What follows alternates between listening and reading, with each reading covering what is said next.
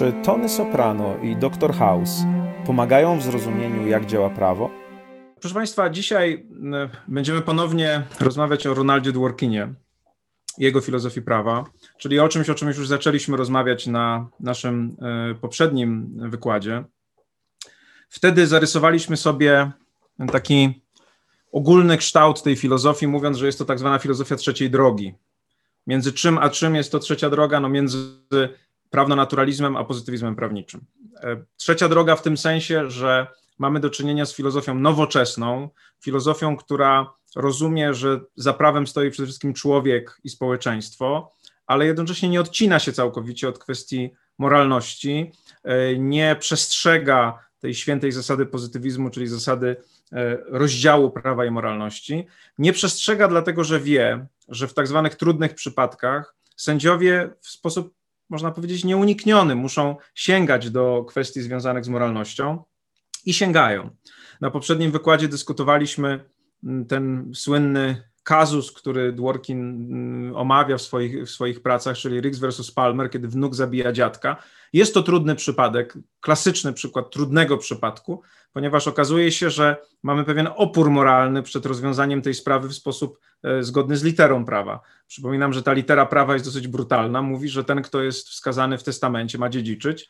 No i oczywiście ten wnuk jest w testamencie wskazany, ale czujemy, że coś jest nie tak, no bo jednak zabił tego dziadka i ma korzystać z jakiegoś zła, którego dokonał poprzez takie kazusy, poprzez y, pokazanie, że w trudnych przypadkach w sposób nieunikniony włącza się pewnego rodzaju taka, y, taka, takie rozumowanie aksjologiczne, rozumowanie y, oparte na zasadach mających co najmniej elementy moralności, Dworkin zadaje kłam temu takiemu pozytywistycznemu twierdzeniu, że sędzia to może być taka, taka maszyna do orzekania, która właśnie w kwestiach moralnych to w ogóle się ich nie dotyka i że wszystko, co rozstrzyga, rozstrzyga na podstawie litery prawa, na podstawie e, tekstu, na podstawie językowej wykładni.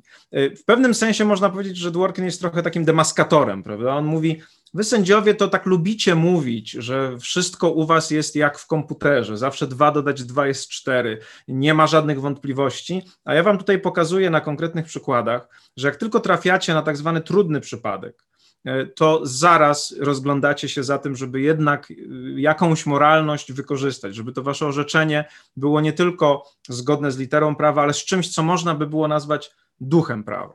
Też w pewnym sensie można powiedzieć, że Ronald Dworkin jest filozofem ducha prawa. Znacie ten podział, wszyscy go używamy, litera i duch. Kiedy przez literę rozumiemy właśnie przepisy, to co jest y, dokładnie, precyzyjnie wskazane w ustawie, w konstytucji, w rozporządzeniu. I wszyscy rozumiemy, że prawo jest czymś więcej, że oprócz tych literalnie branych przepisów jest coś pomiędzy nimi. No i Dworkin mówi, co to jest. Dworkin mówi, że tam są te zasady, że tam są te kierunki polityki, principles and policies, i to jest właśnie, można powiedzieć, że one razem wzięte, zasady i kierunki polityki, to jest to, co zwykliśmy nazywać duchem prawa. W pewnym sensie Riggs versus Palmer przykład, ten trudny przypadek wnuka, który zamordował dziadka i chciał po nim dziedziczyć, to jest właśnie sytuacja, w której orzeczenie na podstawie litery razi nas. No, wydaje się, że ono jest jakoś nieadekwatne, bo czujemy, że coś zostało naruszone. I to coś intuicyjnie wyczuwamy, to właśnie ten duch prawa. I Dworkin nam mówi tak, ja nawet wiem, czym jest ten duch prawa. To jest pewien zbiór zasad, pewien zbiór y, kierunków, rozstrzygnięć tego, jak myśli społeczeństwo o tych kierunkach rozstrzygnięć. I sędzia y, nie jest po prostu y, maszyną, która ma odczytać i zaaplikować, odczytać, zaaplikować w oparciu o jakiś prosty sylogizm. Sędzia musi dokonać bardzo złożonego rozumowania o charakterze aksjologicznym i dlatego musi mieć specjalne umiejętności. Dlatego nazywa, Dworkin nazywa tego sędziego tego idealnego sędziego sędzią Herkulesem, ponieważ to zadanie jest niemal tak jak prace, które Herkules wykonywał, nikt ich nie potrafił wykonać, trzeba było mieć specjalne predyspozycje, specjalne e, nastawienie, specjalne umiejętności, żeby to zrobić. Tak myśli Dworkin o sędziach. To, to wszystko brzmi dobrze.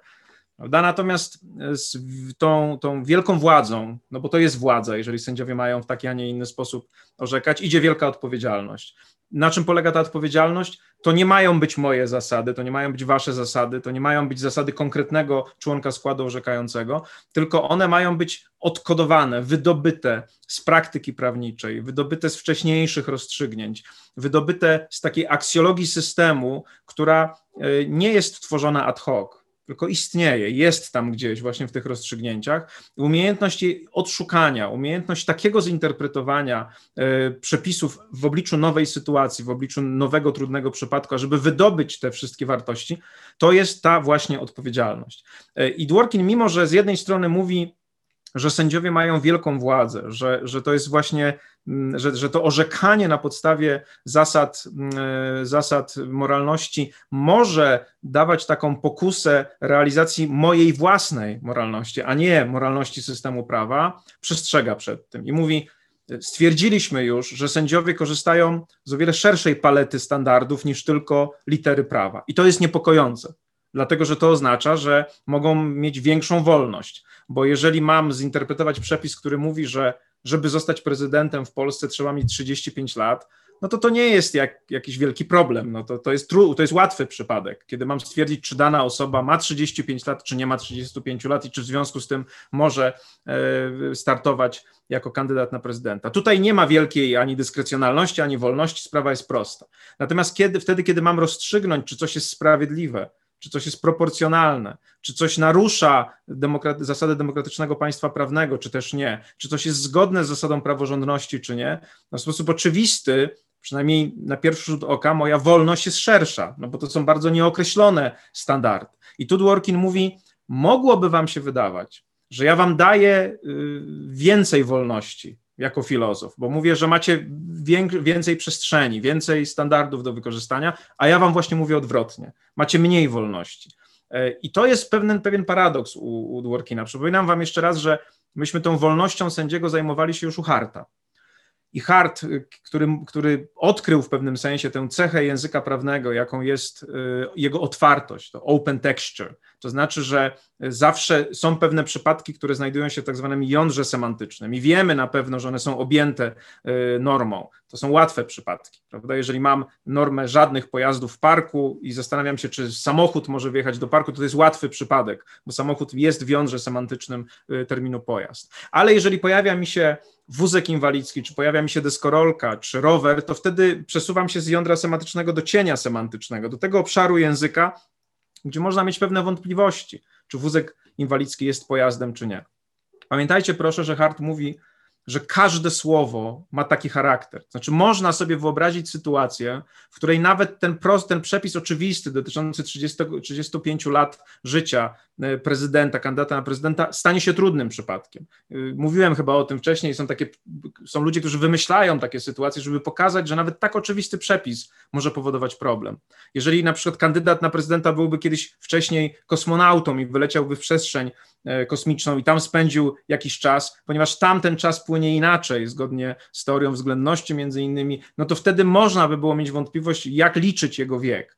Ostatnio w wyborach prezydenckich, kiedy wybory mm, zostały najpierw ogłoszone na y, początek maja, a później ogłoszone na, na, na lipiec, też można mieć wątpliwości, można było mieć wątpliwości na przykład, czy kandydaci zgłaszani, gdyby się zdarzyło, że ktoś na przykład skończył 35 lat między jednym a drugim terminem, też można by było powziąć wątpliwości. To, to, to jest oczywiście science fiction, takich wątpliwości najczęściej nie mamy, ale to pokazuje, że nawet w tak oczywistych przypadkach może się okazać, że jest wątpliwość. To co dopiero w sytuacji, kiedy mamy zdecydować, czy ktoś może czerpać korzyść z wyrządzonego przez siebie zła, czy coś jest sprawiedliwe, czy coś jest proporcjonalne, czy coś jest y, zgodne z zasadą równości. Więc Hart, więc Hart mówi y, w swojej filozofii, mówi tak, ten język jest nieprecyzyjny, ten język jest niejasny, jest otwarty i dlatego nieubłagana jest wolność, nieobłagana jest ta, ta, ta dyskrecjonalność.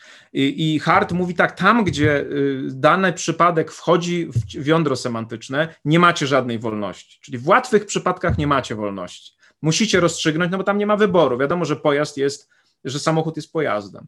Natomiast tam, gdzie przesuwacie się w cień semantyczny, Oczywiście to samo w sobie, nie wiadomo do końca, kiedy się przesuwamy, kiedy nie. Dla kogoś może być oczywiste, że rower jest pojazdem, dla kogoś innego wcale nie.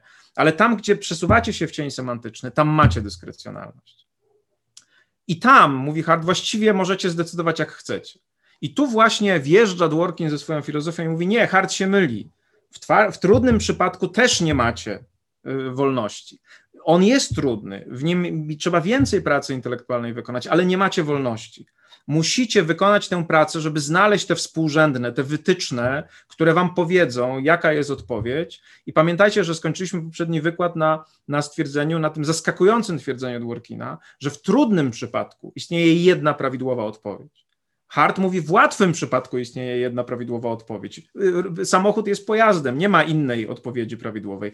A Dworkin mówi, w trudnym tak samo. Jest tylko jedna możliwa odpowiedź. Jest tylko jedna możliwa odpowiedź. To, to jest e, kwestia bardzo e, ciekawa i dzisiaj na tym wykładzie porozmawiam o tym, jak to właśnie jest, że, że, że rzeczywiście jest to jedna prawidłowa odpowiedź. W jaki sposób ogranicza się te, tę wolność, jakie są mechanizmy ograniczenia tej wolności.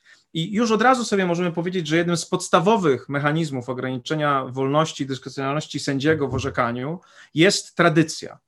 Przez tradycję Dworkin rozumie historię wcześniejszej jakby dyskusji na temat pewnych zagadnień prawnych, dyskusji toczonej w dwóch wymiarach, znaczy toczonej zarówno w praktyce rozumianej jako praktyka rozstrzygnięć sądowych, Zazwyczaj, kiedy y, patrzymy na dane rozstrzygnięcie trudnej sprawy, to wiemy, że przecież rzadko kiedy ona po raz pierwszy się pojawia w historii.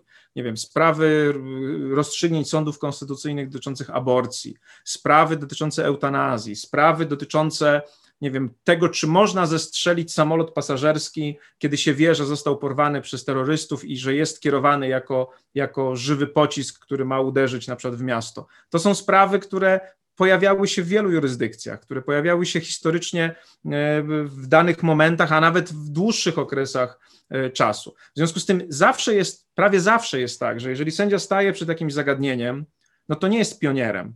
Przed nim były już takie sytuacje i zdarzało się już tak, że ktoś się tą sprawą zajmował. Nawet jeżeli ktoś się nią nie zajmował bezpośrednio w orzeczeniu sądowym, czyli w tej w czymś, co moglibyśmy nazwać praktyką prawniczą sensu stricto, no bo to jest praktyka prawnicza, to co sędziowie w orzeczeniach stwierdzają, to na pewno ktoś zajmował się tym w praktyce sensu largo, czyli na przykład w, w literaturze prawniczej, w pracach prawniczych, w doktoratach, habilitacjach, w komentarzach, ktoś analizował pewne scenariusze, pewne potencjalne sytuacje, i starał się udzielić odpowiedzi, jak powinno się je rozstrzygnąć. Więc sędzia, mówi Dworkin, zawsze staje w obliczu swoich poprzedników i tych, którzy wcześniej o sprawie mówili i sprawą się zajmowali.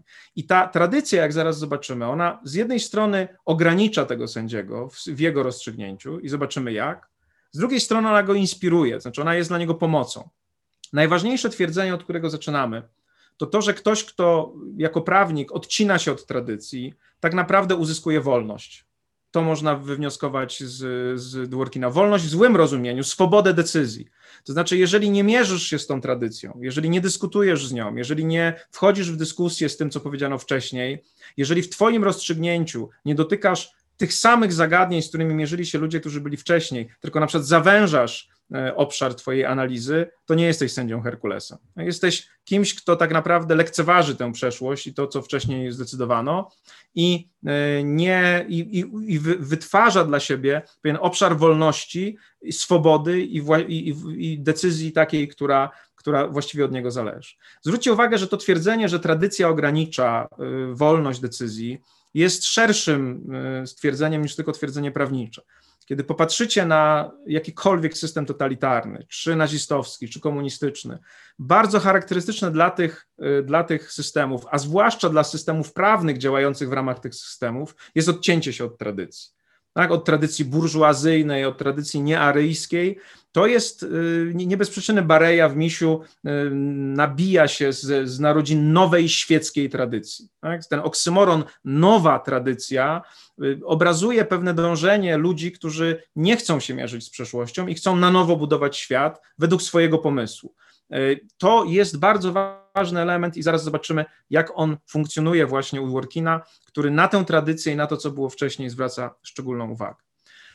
Metaforą, która pozwala dyskutować i która jest takim ciekawym obrazem tego, jak Dworkin myśli o tradycji, w jaki sposób ta tradycja ogranicza y, dyskrecjonalność sędziowską, jest metafora powieści w odcinkach. Ona w polskim tłumaczeniu nieraz jest, występuje także jako powieść łańcuszkowa. Po angielsku to jest chain novel metaphor, to co widzicie na tym, na tym slajdzie. Co to jest za metafora?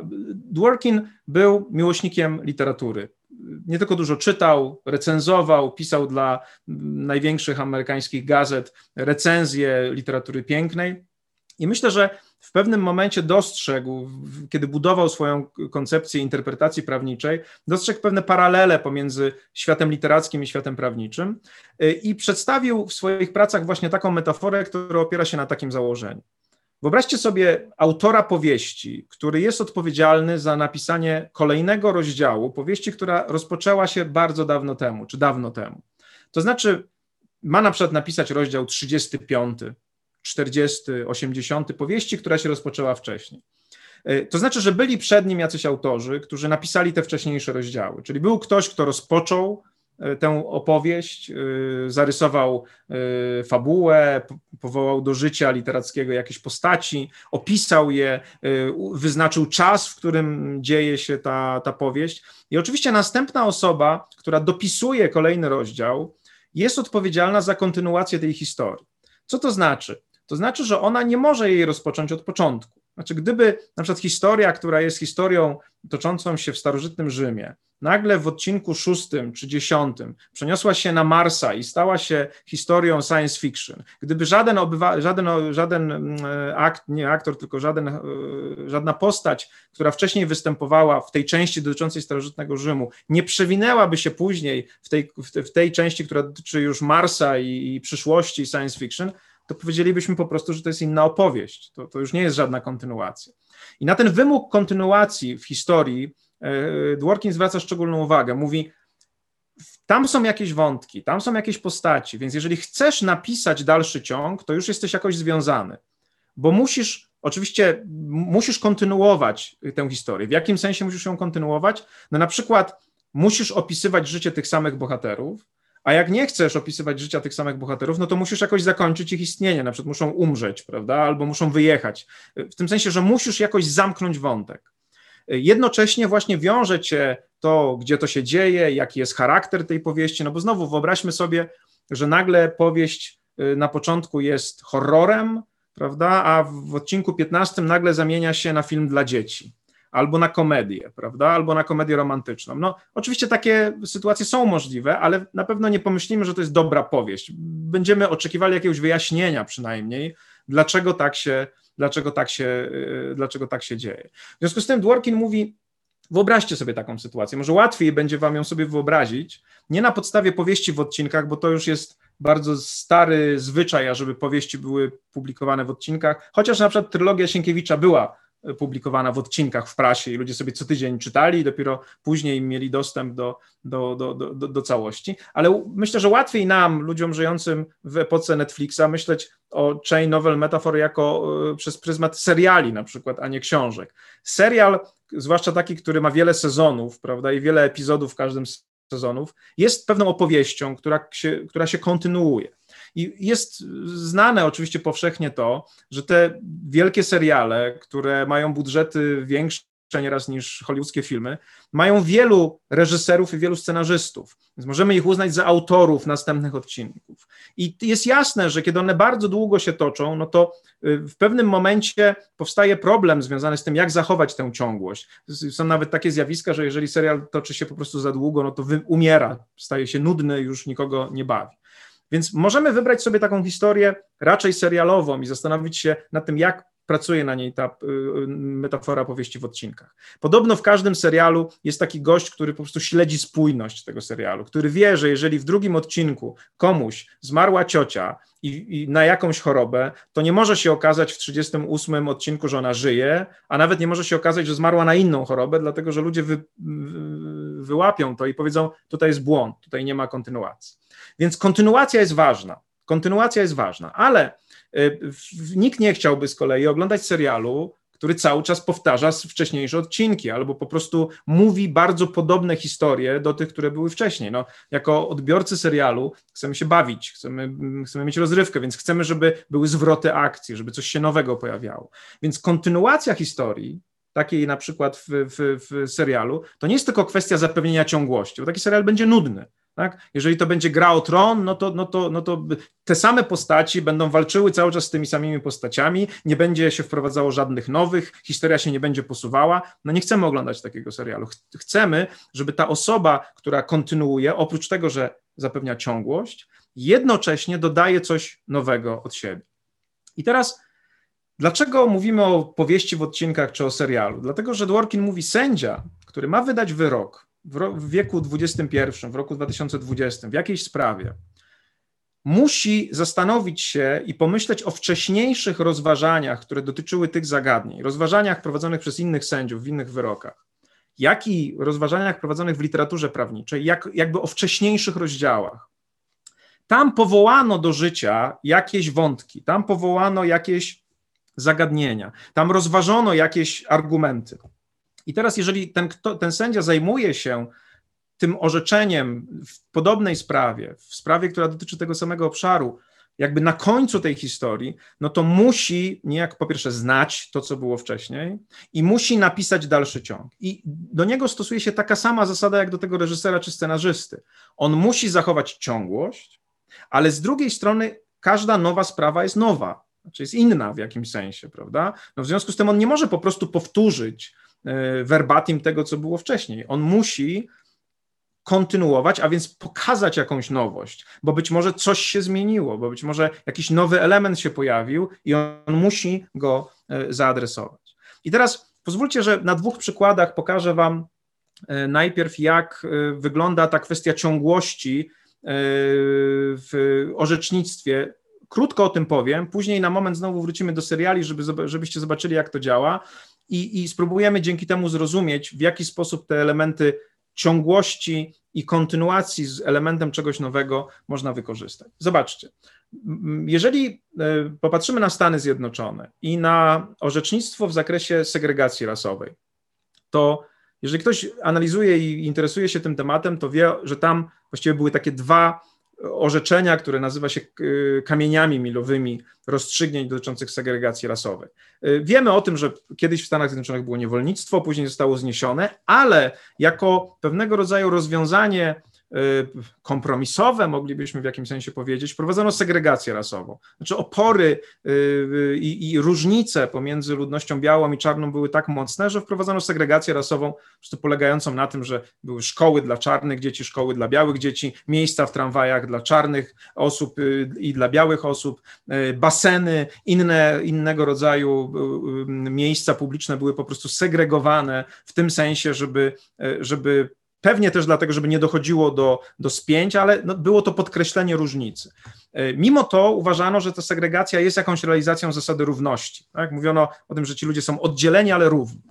I pierwsza próba, może nie pierwsza, ale jedna z takich ważnych prób e, kwestionowania segregacji rasowej, czy w ogóle oceny segregacji rasowej pod względem jej konstytucyjności, nastąpiła w takim orzeczeniu amerykańskim, które nazywa się orzeczeniem w sprawie Plessy Zdaje się, że pod koniec do XIX wieku było.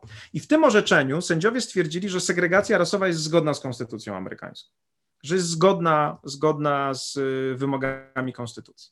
Następnie w latach 50. XX wieku wyda, Sąd Najwyższy Stanów Zjednoczonych wydał orzeczenie Brown versus Board of Education, które pojawiło się na, y, na kanwie segregacji rasowej w szkołach. Y, I wtedy Sąd Najwyższy stwierdził, że segregacja rasowa jest niezgodna z konstytucją, ją zniósł i nakazał uwspólnienie tych wszystkich obszarów, które do tej pory były segregowane. Zobaczcie, co się tutaj zdarzyło. To, to, to, jest dosyć ciekawa sytuacja. Konstytucja w tym czasie się nie zmieniła. Ona jest w tym zakresie była taka sama od, od początku, od 200 lat jest taka sama. Y, Plessy, w orzeczeniu Plessy stwierdzono, że segregacja rasowa jest ok, jest zgodna z konstytucją. W orzeczeniu Brown versus Board of Education kilkadziesiąt lat później, że nie jest. Co się stało?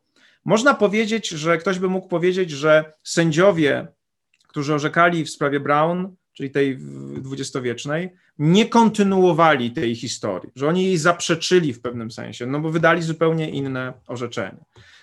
Natomiast jeżeli ktoś spojrzy do tego orzeczenia, to zobaczy, że ci sędziowie zmagali się jak gdyby z tymi samymi zagadnieniami.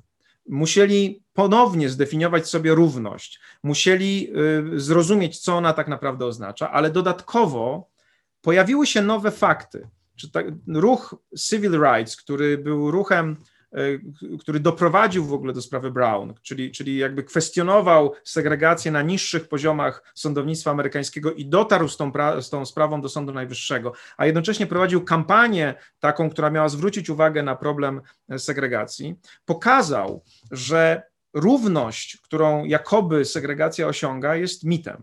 Że, że dzieci, które chodzą do szkół dla czarnych, mają o wiele gorsze perspektywy w życiu. To się empirycznie dawało wykazać. Nie robią karier, nie dostają się na dobre studia, mniej zarabiają, nie opuszczają miejsc, w których mieszkają, więc mieszkają w złych dzielnicach. Z kolei dzieci białe, które uczą się w, szkół dla, w szkołach dla dzieci białych, robią te kariery.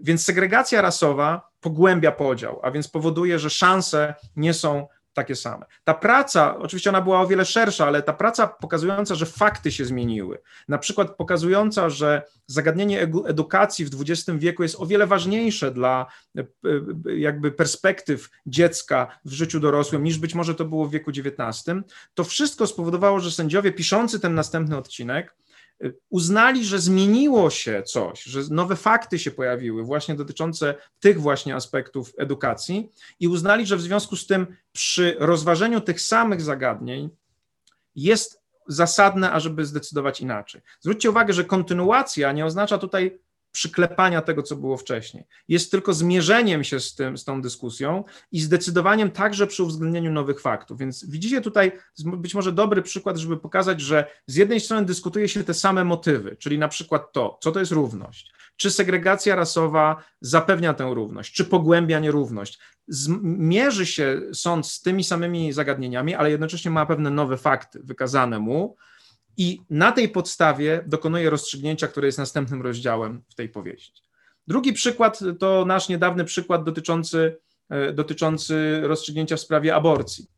Mianowicie, e, e, mianowicie sytuacja, w której mamy pewną historię. Tak? Tą historią jest ustawa tam jeszcze z 93 roku, później orzeczenie Trybunału pod przewodnictwem profesora Cola w 97 roku, później coś, co nazywamy kompromisem aborcyjnym, czyli coś jakby pewien spokój społeczny, który się zbudował wokół tych rozstrzygnięć i mamy w końcu tę decyzję z października 2020 roku. I znowu możemy potraktować tę decyzję, na razie abstrahując od tego, czy ona jest e, legalna czy nielegalna, to nie musimy o tym za każdym razem dyskutować, ale możemy powiedzieć, że ona jest jakimś następnym odcinkiem. Ona jest kontynuacją. No i teraz możemy zastanowić się, czy ona jest dobrą kontynuacją, czy złą kontynuacją. E, dobra kontynuacja, jeszcze raz podkreślam, zapewnia, że dyskutuje się, czy u, u, jakby w tym nowym rozdziale umieszcza się wszystkie wątki i wszystkie zagadnienia, które były wcześniej. No niestety można mieć wątpliwość dotyczącą tego orzeczenia, ponieważ i na to wskazywał sędzia Kieres w swoim zdaniu odrębnym, kiedy mówił po pierwsze, y, czy w ogóle Trybunał tym się powinien zajmować, tak, w sytuacji, z którą, z którą mamy do czynienia. Ale po drugie mówił, y, kompromis aborcyjny jako element tradycji rozwijania się tej instytucji w Polsce jest jakąś wartością. Trzeba się z nią zmierzyć, trzeba powiedzieć, dlaczego on ma być zmieniony. Czy naruszenie spokoju społecznego nie jest także w jakimś sensie jakimś problemem e, dotyczącym, dotyczącym mm, społeczeństwa. Po trzecie, w sprawach aborcyjnych cały szereg wątków. Y, mamy oczywiście godność dziecka, godność matki, prywatność, możliwość decydowania o swoim ciele, kwestie zdrowotne, cała masa, powiedzieliśmy, bohaterów, tak, w tym sensie wątków. Orzeczenie, w którym ktoś skupia się tylko i wyłącznie na sytuacji dziecka, nie myśląc o innych, na przykład o cierpieniach matki, o, o, o prywatności, o, o innych aspektach, no to ta jego kontynuacja nie jest kontynuacją dobrą, bo sobie tylko pewne elementy, a pamiętajcie, że jeżeli to nie jest kontynuacja, jeżeli ja sobie tylko wybieram jeden z elementów, no to wtedy uzyskuję więcej swobody, paradoksalnie, dlatego że już nie muszę kontynuować wszystkiego, wszystkiego naraz.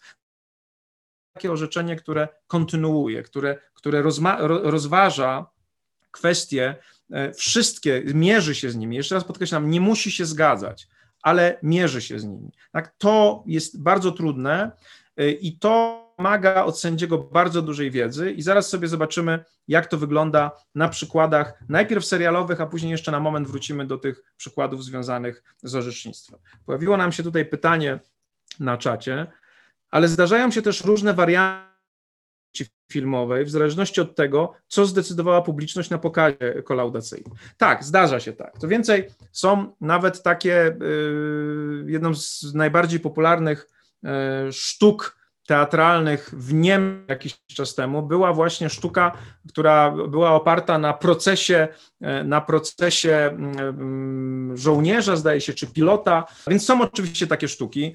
E, w Warszawie jest wyświetlana sztuka Szalone Nożyczki, która też polega na interakcji z publicznością, która może wymyślić dalszy ciąg. To prawda, ale e, w tym przypadku to pytanie możemy potraktować jako powiedzmy pretekst do zastanowienia się nad tym, czy publiczność powinna decydować o tym, jakie są wyroki sądowe. Oczywiście to jest bardzo trudny przypadek, e, bo, bo z jednej strony nie chcielibyśmy pewnie robić badań opinii publicznej dotyczących rozstrzygnięć sądowych. E, z drugiej strony, z drugiej strony mamy taką oto sytuację, w której są badania socjologiczne prowadzone głównie w Stanach Zjednoczonych, które pokazują, że w, długiej, w długim czasie nigdy orzecznictwo najwyższych sądów, w tym sądów najwyższych, nie jest sprzeczne z opinią yy, społeczeństwa. Może się zdarzyć taka sytuacja, że w danym momencie orzeczenie się pojawia i jest y, pewien opór. Zresztą w sprawie orzeczenia Brown versus Board of Education, zwłaszcza na południu Stanów Zjednoczonych, były manifestacje, protesty, ludzie nie chcieli się zgodzić na desegregację. Natomiast po jakimś czasie okazuje się, że one ze sobą idą w parze. I chyba to ma na myśli Dworkin też mówiąc o tym rozpoznawaniu tych policies, tych kierunków polityki. Chodzi o to, żeby po prostu móc je wziąć pod uwagę. Więc na pewno nie powinno być tak, że na konkretne orzeczenie wpływa opinia publiczna, e, czyli tutaj byłaby różnica w stosunku do literatury, czy, czy, czy, czy sztuki teatralnej, czy filmu.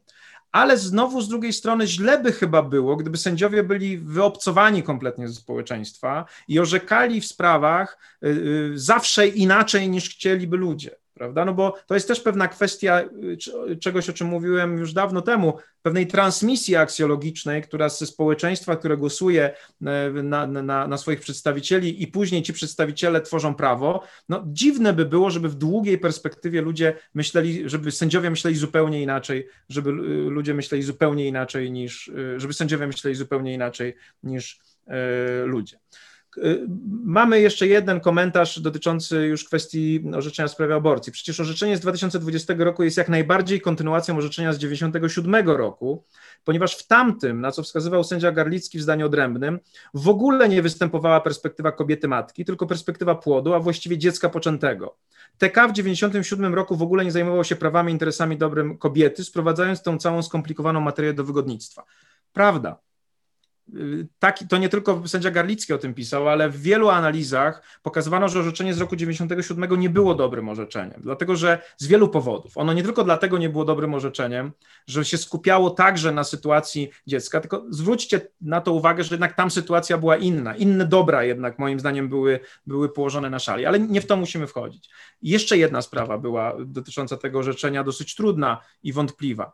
Ono nie prowadziło czy nie kontynuowało tego, co się wyraziło w nowej konstytucji. Wiemy przecież o tym, że nowa konstytucja wtedy, 97 roku, ona regulowała kwestię życia i miała możliwość do określenia w artykule 38 tego życia i wskazania, że ono się zaczyna od poczęcia do naturalnej śmierci, ale ta poprawka została odrzucona, już o tym mówiliśmy. No w związku z tym także tutaj nie było kontynuacji. Można powiedzieć, że 97 rok był orzeczeniem, czy orzeczenie 97 roku też nie było udanym odcinkiem. Przepraszam, bo to nie, nie, nie współgra w ogóle z powagą tej sytuacji, ale mówimy Dworkinem, czyli nie było kontynuacją, było wyciągnięciem w jedno miejsce jednej wartości, nie uwzględnienia ważnego zdarzenia, jakim jednak była nowa konstytucja. Ale następna e, Następne orzeczenie w roku 2020, pamiętajcie, kontynuuje całą tradycję, a nie tylko jedno orzeczenie. Więc e, tu chodzi, może ono też poprawić błędy wcześniejszych orzeczeń. Tak? Może, może ukazać tę tradycję w innym charakterze.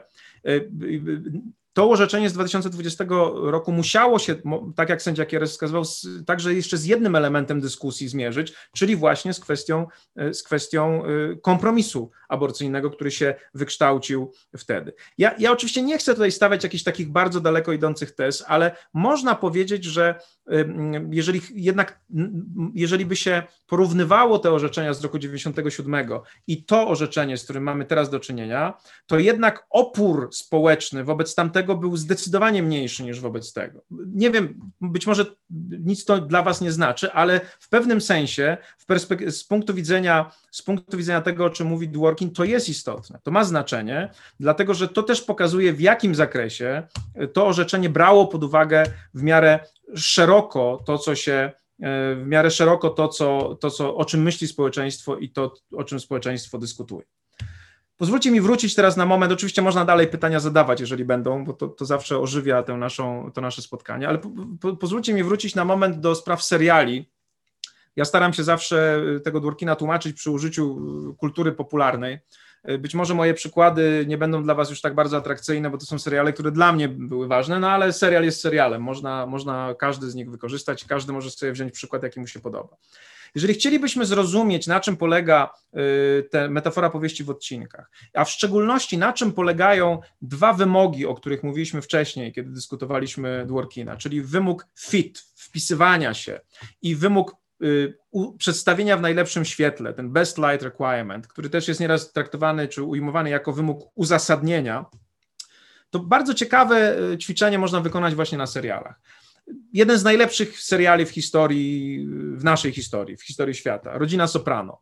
E, mafia e, w Stanach Zjednoczonych, rodzina pochodzenia włoskiego, James Gandolfini w wielkiej roli Tonego Soprano, który jest szefem mafii, ma oczywiście jednocześnie także swoją rodzinę, jest jakby pokazany w takich dwóch wymiarach. Życia rodzinnego, gdzie stara się z różnym skutkiem oczywiście być dobrym mężem, stara się być dobrym ojcem, też z różnym skutkiem, ale jednocześnie jest szefem mafii i wioząc swoją córkę do koledżu, może zatrzymać się na stacji benzynowej, zobaczyć starego swojego kolegę, który zdradził i go udusić gołymi rękami, a potem zawieźć córkę dalej do tego, do tego koledżu.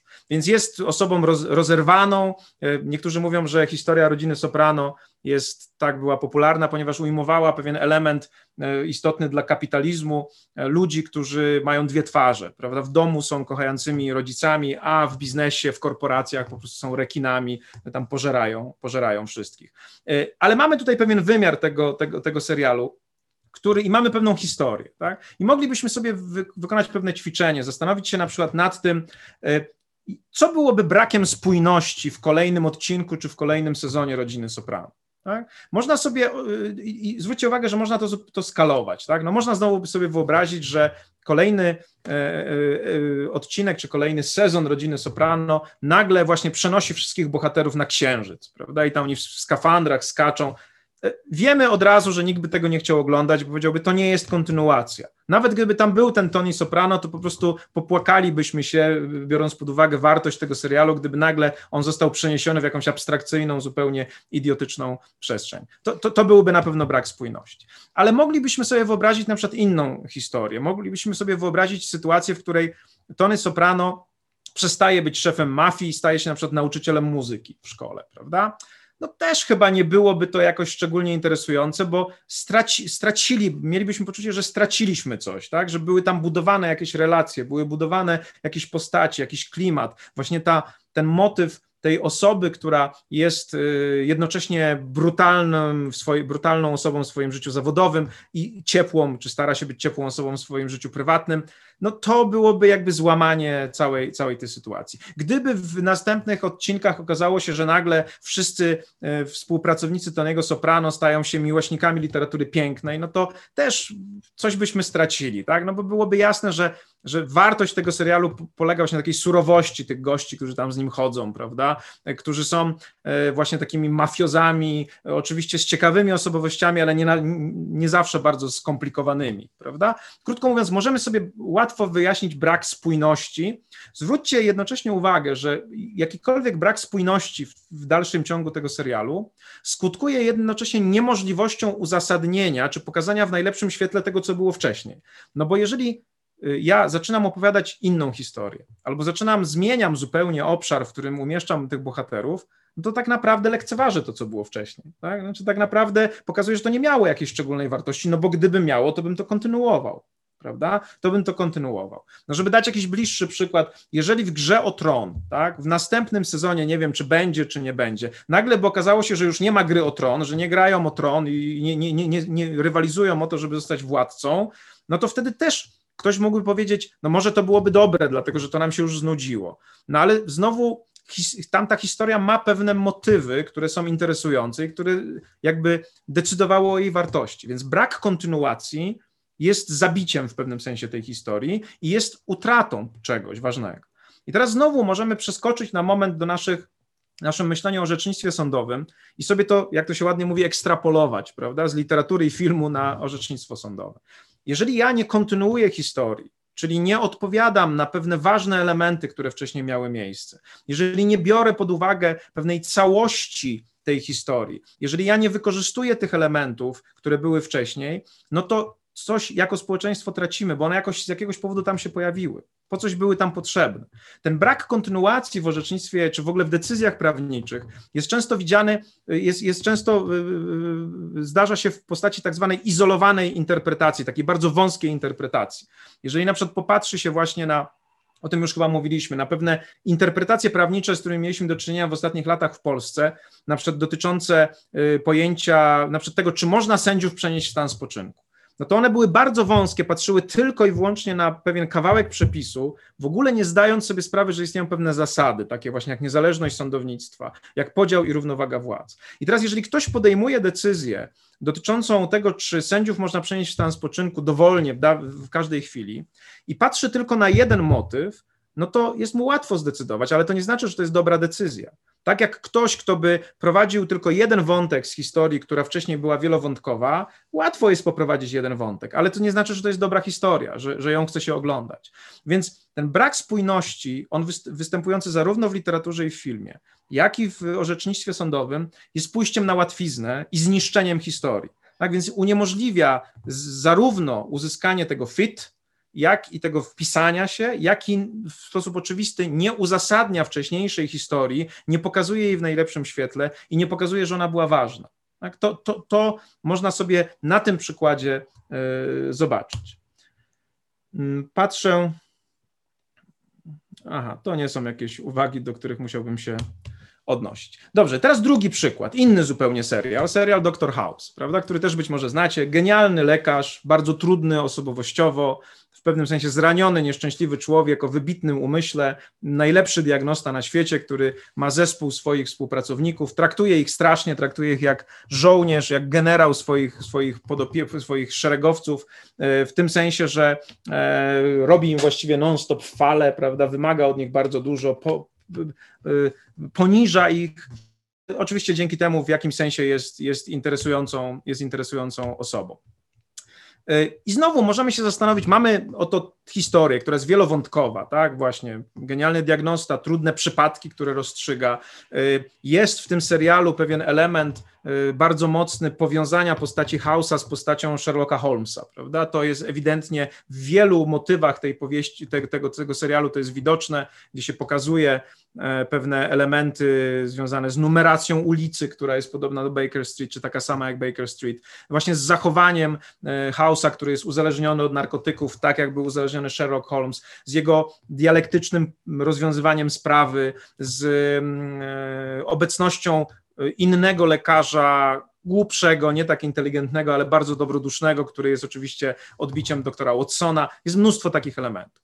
I ponownie możemy zastanowić się, wyobraźmy sobie, że chcemy dopisać następny sezon doktora House'a. I teraz trzeba by było się zastanowić nad tym, co zrobić, żeby to z kolei był, żeby na przykład ten dziewiąty sezon był kontynuacją dotychczasowej historii, ale nie tylko kontynuacją w tym rozumieniu minimalnym, to znaczy fit, ale właśnie, żeby, w tym, żeby był kontynuacją w tym dworkinowskim naj, w rozumieniu tego, tego wymogu przedstawienia w najlepszym świetle, tego uzasadnienia, pokazania, że to miało głęboki sens. No więc, jeżeli pomyślimy o kontynuacji, no to znowu mamy oczywiście kilka opcji. No możemy po prostu rozpocząć kolejny sezon, w którym dr House będzie pracował w tym samym szpitalu, no i będą nowe, ciekawe przypadki, prawda? ale to chyba nie będzie takie super, no bo już było osiem sezonów, w którym on rozwiązywał te przypadki. Co więcej, bardzo często, może nie bardzo często, ale w tych wcześniejszych sezonach ciekawe rzeczy działy się wtedy, kiedy House opuszczał szpital. Znaczy, kiedy tam nie wiem, leciał gdzieś samolotem albo był w szpitalu psychiatrycznym, bo miał poważne problemy. Nagle wpływało coś ożywczego, pojawiało się coś ciekawego. To, ten mo motyw, tej, motyw nowości, pamiętajcie, on oczywiście w literaturze i w filmie on jest oczywisty, ale w orzecznictwie sądowym on jest też ważny, bo jeszcze raz przypominam, każda nowa sprawa jest nowa ma zawsze jakiś nowy element. Życie się zmienia, sytuacja się zmienia. Sędziowie w sprawie Brown widzieli, że świat się zmienił, że edukacja stała się kluczowym dobrem, które, które decyduje o dalszym losie człowieka. Zostały im przedstawione nowe dane dotyczące tego, że właśnie dzieci ze szkół yy, dla dzieci czarnych gorzej się rozwijają. Empirycznie to udowodniono. Więc nie można pozostać głuchym na to. Tak? Kontynuacja zawsze uwzględnia, musi uwzględniać coś nowego. Więc taka zwyczajna kontynuacja byłaby chyba słaba, tak myślę. Nie wiem, czy ja bym chciał oglądać, prawda, ten, ten, ten, ten, serial. E, myślę, że jest wiele takich przypadków. Na przykład znany, też bardzo dobry serial House of Cards, prawda, był, w pewnym momencie musiał zmienić trochę swoją historię, bo, bo jeden, z, jak wiecie, główny bohater został oskarżony o jakieś tam skandale seksualne, czy aktor grający głównego bohatera, trzeba było go jakby usunąć z, tej, z, tej, z, tego, z tego serialu. I od razu w pewnym sensie właśnie to usunięcie spowodowało jakąś utratę dynamiki, no bo on był ważnym elementem tego wszystkiego. Tutaj też e, w kontynuacji znowu ten, ten wymóg fit jest bardzo istotny. Ale jaka mogłaby być ta kontynuacja, ażeby nam się chciało to oglądać? Tak? Tu ja zawsze sobie myślę, ponieważ jestem fanem tego serialu, tam nie wiem, czy zwróciliście w ogóle, czy oglądaliście, ale tam jest w jednym czy w dwóch odcinkach taki, taki motyw bardzo interesujący, kiedy kiedy e, dr House opowiada o swoim ojcu i o tym, że on jakiś czas spędził w Indiach i opowiada o szpitalu w Indiach w, innym momencie. Tak, w jednym miejscu mówi, że jego ojciec podróżował i on spędził jakiś czas w Indiach ze swoim ojcem jako mały chłopak, a potem opowiada o szpitalu w Indiach, bez związku niby ze swoim ojcem, mówiąc o tym, że tam w tym szpitalu był taki portier, który był z, z kasty wyklętych ale był niezwykle mądry i miał olbrzymią wiedzę. I jak już lekarze w tym szpitalu naprawdę nie wiedzieli, jak sobie poradzić z przypadkiem, to wysyłali kogoś do tego portiera, żeby on im powiedział, co, ma zrobi- co oni mają zrobić, i on zawsze znajdował odpowiedź. I ta postać takiego outcasta, takiego, takiego wyklętego, takiego człowieka, który jest wyrzucony poza społeczeństwo, oczywiście jakoś jest podobna do Hausa, jako osoby właśnie trudnej, ale genialnej, ale z drugiej strony jest bardzo ciekawe to, kim on był, ten portier. Może to był jego ojciec, tego nie wiem. Może to był on, może on tam właśnie w taki sposób pracował. I teraz pomyślcie sobie o tym, że kontynuacja y, tego, tego, tego serialu nie byłaby kontynuacją w przyszłość, ale był, czyli nie byłaby sequelem, ale byłaby prequelem, tak? Czyli najpierw pokazano by, jaki House był właśnie w tych Indiach, albo kim był ten portier, od czego to się wszystko zaczęło, jaka była relacja House'a z jego ojcem na przykład, dlaczego wyrósł na takiego gościa, na jakiego wyrósł.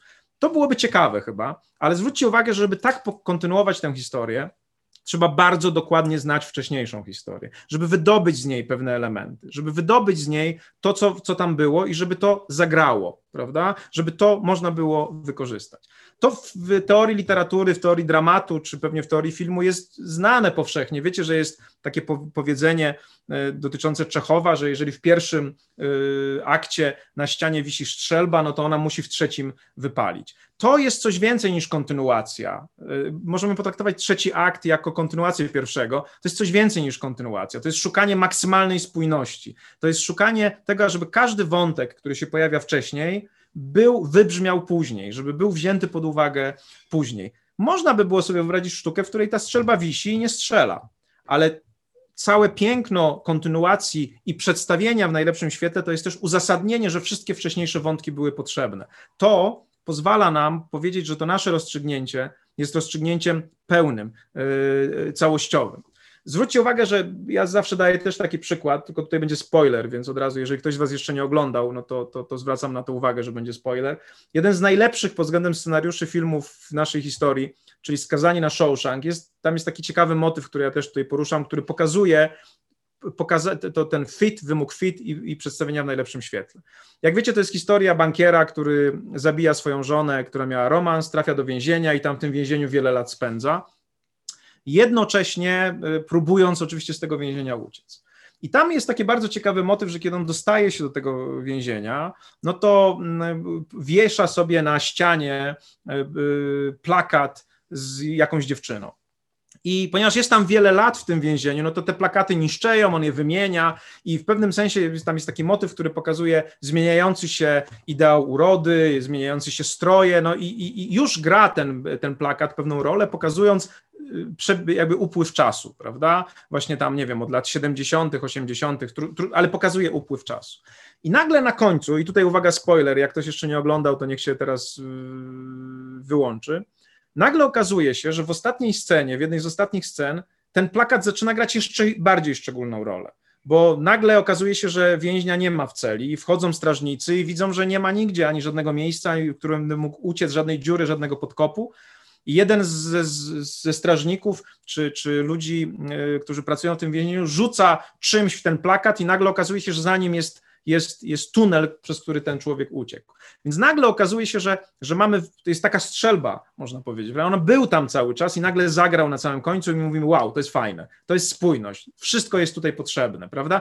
Poza tym oczywiście tam jest mnóstwo takich elementów, jego przygotowywań do tej ucieczki, które mu później pozwalają funkcjonować na zewnątrz. To jest dobra historia ale też na tym jest oparte dobre orzeczenie, że ja dokładnie znam tradycję prawniczą. Wiem, co było w orzeczeniach wcześniejszych, jakie podniesiono argumenty. Wiem, gdzie y, sędziowie wcześniej zbliżyli się do prawdy, gdzie się oddalili. Jakie rzeczy były ważne, jakie kwestie podnosili y, pełnomocnicy. I teraz, kiedy piszę kolejny rozdział, no nie mogę się tak zachować, jak kiepski e, scenarzysta, jak kiepski e, autor i po prostu pociągnąć jeden tylko motyw. Ja muszę ciągnąć wszystkie, dlatego że one mają jakąś rację bytu, bo jeżeli nie pokażę tej kontynuacji, jeżeli nie przedstawię ich w najlepszym świetle, to społeczeństwo coś straci. Jeszcze raz podkreślam, to nie znaczy, że ja muszę się ze wszystkim zgodzić. To oznacza, że ja muszę zmierzyć się z tym, ja muszę podjąć, można powiedzieć, jakąś, jakąś dyskusję, ja muszę ja muszę jak gdyby e, mm, spróbować e, odpowiedzieć na pytanie. Nawet jeżeli czegoś nie uwzględniam, to muszę mimo wszystko pokazać, że zmierzyłem się z tym, odpowiedziałem, przedstawiłem argument. I to wszystko, to podejście prowadzi e, nas do konkluzji następującej, że spełnienie tych wymogów dworkinowskich, spełnienie wymogu wpisania się ciągłości, czyli fit, i wymogu przedstawienia w najlepszym świetle, czyli wydobycia sensu tych wcześniejszych argumentów, pokazania ich wartości, oceny ich, także w moim, w moim orzeczeniu, prowadzi do takiego orzeczenia, które jest całościowe, holistyczne i ono, to orzeczenie ma szansę na znalezienie tej jednej prawidłowej odpowiedzi, która jest też jedną z tez dworkinowskich. Y, czy, przypomnijcie mi tylko, bo tego nie pamiętam, czy ja wam na ostatnim spotkaniu, kiedy mówiłem o tej one right answer thesis, tej jednej prawidłowej odpowiedzi, Dawałem ten przykład z umieszczaniem długopisów w przestrzeni sali wykładowej? Tak, tak, tak. Już mówiłem o tym. To teraz wróćmy na moment, ja już nie będę o tym mówił, ale zwróćcie uwagę, że to jest dokładnie tak samo w tej kontynuacji. Bo jeżeli ja uznam, że ja mam szukać zgodności tylko z jedną wartością, no to mam mnóstwo swobody, ale jeżeli posłucham tego Dworkina i zrozumiem, że jednak ta tradycja wymaga ode mnie więcej, no to wtedy stanę bardziej na wysokości zadania i będę szukał spójności z wieloma wytycznymi, które ta tradycja mi przedstawia. I dzięki temu mam szansę na to, że będę umiał wydać orzeczenie lepsze. Tak jak autor, który kontynuuje historię, ma szansę na to, y, kontynuuje ją porządnie, właściwie, ma szansę na to, że to, co zrobi, będzie wartościowe i będzie podobało się y, społeczeństwu. W drugiej części tego wykładu chcę Wam opowiedzieć mm, o czymś, co może na pozór wydawać się mm, niezwiązane, ale jest związane bardzo mocno z Dworkinem. Z Dworkinem mamy taki problem, że on nie zawsze jest szanowany przez wszystkich filozofów prawa, dlatego właśnie, że mówi językiem barwnym, mówi metaforami, a jest taki nurt w filozofii, filozofii który bardzo by chciał sprowadzić wszystko do takiego podejścia, który jest charakterystyczne dla nauk ścisłych, do podejścia opartego na naturalizmie, do podejścia opartego na bardzo precyzyjnym języku, na definicjach. E, I nieraz krytycy Dworkina zarzucali mu, że te jego koncepcje, właśnie koncepcja zasad, koncepcja policies, metafora powieści w odcinkach, wymóg fit, wymóg przedstawienia w najlepszym świetle, one są takie nienamacalne no takie humanistyczne, takie, takie hermeneutyczne, takie nie zawsze dające się złapać dokładnie. Można powiedzieć, że uważali, że Dworkin jest bardziej prorokiem takim mówiącym w przypowieściach niż, niż, niż naukowcem. Ale oto okazuje się, że jeżeli spojrzy się na współczesne koncepcje języka, filozofii języka, które są bardzo naturalistyczne, które są bardzo precyzyjne, bardzo odpowiadają właśnie tym wymogom y, nauk ścisłych czy, czy nauk naturalistycznych, takich jak na przykład biologia, to ze zdziwieniem można stwierdzić bardzo wiele podobieństw pomiędzy tym, co mówi Dworkin, a to, co mówią te właśnie y, filozofie. I dla mnie jest dosyć ważne to, bo, bo ja myślę, że ja nie jestem jedyną osobą wśród prawników, która bardzo ceni Dworkina jako kogoś, kto ma dobre intuicje, to znaczy, kto potrafił dotknąć pewnych kwestii, które my jako prawnicy praktycy czujemy. I bardzo jest y, ciekawe to, że, że skądś ta prawdziwość intuicji musiała się wziąć. I ona prawdopodobnie właśnie wzięła się z tego, że on, nie ujawniając być może tego, są takie ślady w jego twórczości, że on miał głęboką wiedzę filozoficzną dotyczącą pewnych kwestii, nie ujawniając tego w całości, miał jednak podbudowę filozoficzną, która mu pozwalała dokonywać pewnych, czy formułować pewne twierdzenia, które były prawdziwe, oddające istotę tego, jak funkcjonuje kultura, jak funkcjonuje język. I żeby wam to zobrazować, chcę w tej drugiej części opowiedzieć wam o takiej koncepcji języka, która została stworzona przez Ruth Garrett Millikan. To jest żyjąca jeszcze y, y, filozof języka i umysłu, jedna z najwybitniejszych przedstawicieli przedstawicielek filozofii właśnie umysłu, filozofii języka, która tworzyła e, swoje najważniejsze książki w latach 80., 90. E, i jeszcze dalej je, je tworzy. Więc jest to taki, można powiedzieć, ostate, finalny e, etap rozwoju filozofii języka w wieku XX i już na początku wieku XXI. I bardzo bym chciał, żebyście spojrzeli na to właśnie jako na podbudowę tego, co mówi Dworkin, bo jak zobaczycie, jej myślenie o języku, o tradycji językowej, o tym, co się wcześniej zdarzyło w języku i o tym, jak to wpływa na to, jak my się posługujemy językiem dzisiaj, jest bardzo kompatybilne z tym, co mówił Dworkin o posługiwaniu się językiem prawniczym, czy na przykład językiem literackim. I żeby to zrobić, musimy troszeczkę się cofnąć i zrobić sobie taką wycieczkę historyczną do początku XX wieku i, i, i, na bardzo ogólnym poziomie e, zarysować, jak się rozwijała historia myślenia o języku. Generalnie w wieku XX nastąpiło coś, co się nazywa zwrotem lingwistycznym. To znaczy, e, wcześniej, w wieku XIX, język nie był takim bardzo istotnym elementem zainteresowania filozofów. Interesowano się e, metafizyką, ontologią, bytem. Natomiast w wieku XX szczególnie zwrócono uwagę na język traktując go jako takie nasze okno na świat, to znaczy jako być może narzędzie naszego myślenia o świecie, narzędzie opisywania tego świata, narzędzie radzenia sobie z tym światem. I można powiedzieć, że w XX wiek da się tak podzielić prawie na pół, jeżeli chodzi o rozwój pewnej filozofii, pewnego podejścia do języka i, i do filozofii języka. I ten, ta pierwsza połowa, nad nią dominuje przede wszystkim y, takie, dominują takie nazwiska jak Gottlob Frege, jak Bertrand Russell, czy Ludwig Wittgenstein, ale Wittgenstein pierwszy tak zwany. Będziemy mieli wykład o Wittgensteinie, y, y, Wittgenstein występuje w filozofii jako pierwszy Wittgenstein, czy wczesny Wittgenstein i drugi Wittgenstein, albo późny Wittgenstein. To wynika z tego, że on najpierw w okolicy lat dwudziestych napisał traktat logiczno-filozoficzny, gdzie przedstawił jedną wizję języka, a ponieważ był geniuszem, no to ta wizja języka została przejęta przez wielu ludzi i to jest wizja, która panowała w pierwszej połowie XX wieku, a następnie zmienił zdanie i uznał, że się mylił w tej pierwszej książce i napisał drugą i znowu ona stała się wyznacznikiem dla wszystkich, jak należy o języku myśleć. I w roku tam chyba 53 już po swojej śmierci po jego śmierci opublikowano dociekania filozoficzne, które przedstawiają inną wizję języka zupełnie, e, ale tak jak mówię, Wittgensteina uważa się za, za najważniejszego albo jednego z najważniejszych filozofów XX wieku. Tacy ludzie wyznaczają trendy.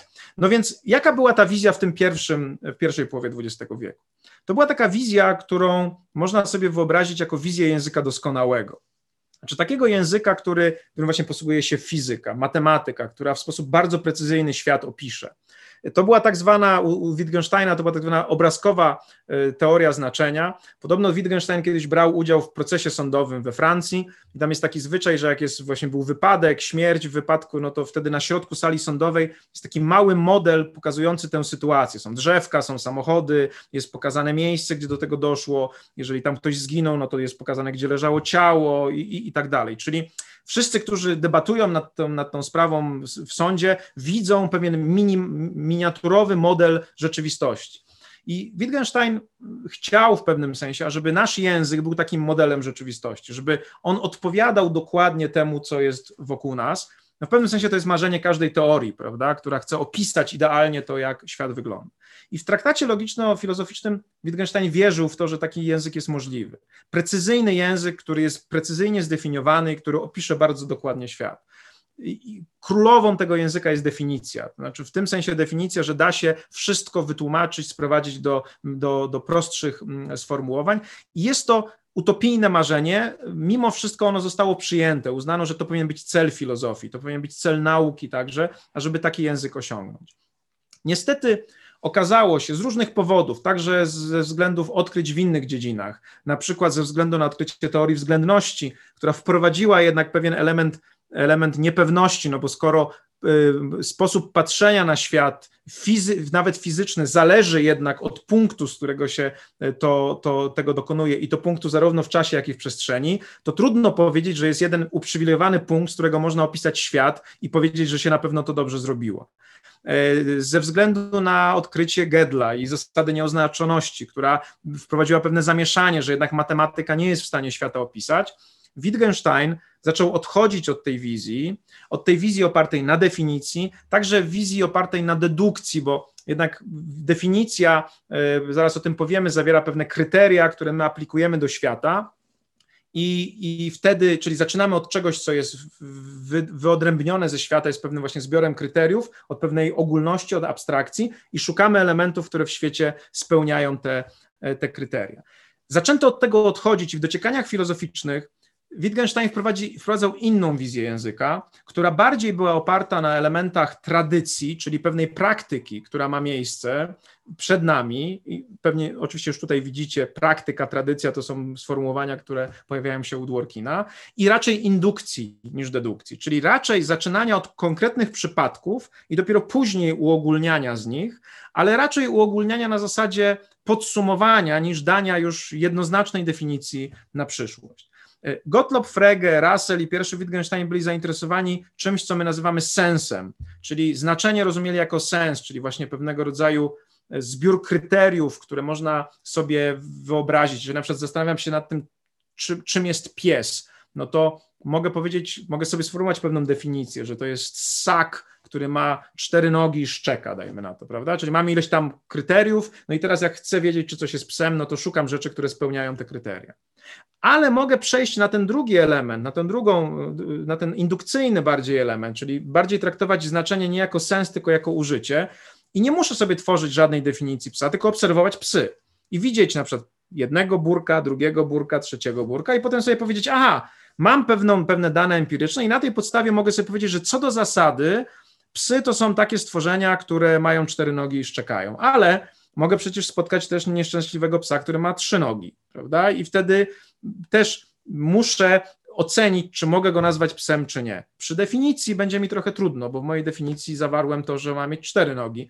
No ale być może w tym podejściu indukcyjnym ono, jak zaraz zobaczymy, chyba jest ciekawsze, bo wtedy mogę powiedzieć, że to tak naprawdę nie liczba nóg decyduje o tym, czy coś jest psem, ale podobieństwo tego nowego psa, czwartego, do tamtych wszystkich trzech. To jest myślenie w tym nowym, nowym paradygmacie. I teraz to bardzo dobrze widać, jaka to jest różnica, kiedy y, spojrzymy na, na, na przykład Harta i dotyczący jego pojazdu, prawda, i tej normy, tej reguły zakaz czy, czy żadnych pojazdów w parku. Jeżeli spojrzymy do słownika języka polskiego, to pojazd ma definicję taką. Jest to urządzenie do transportu lądowego.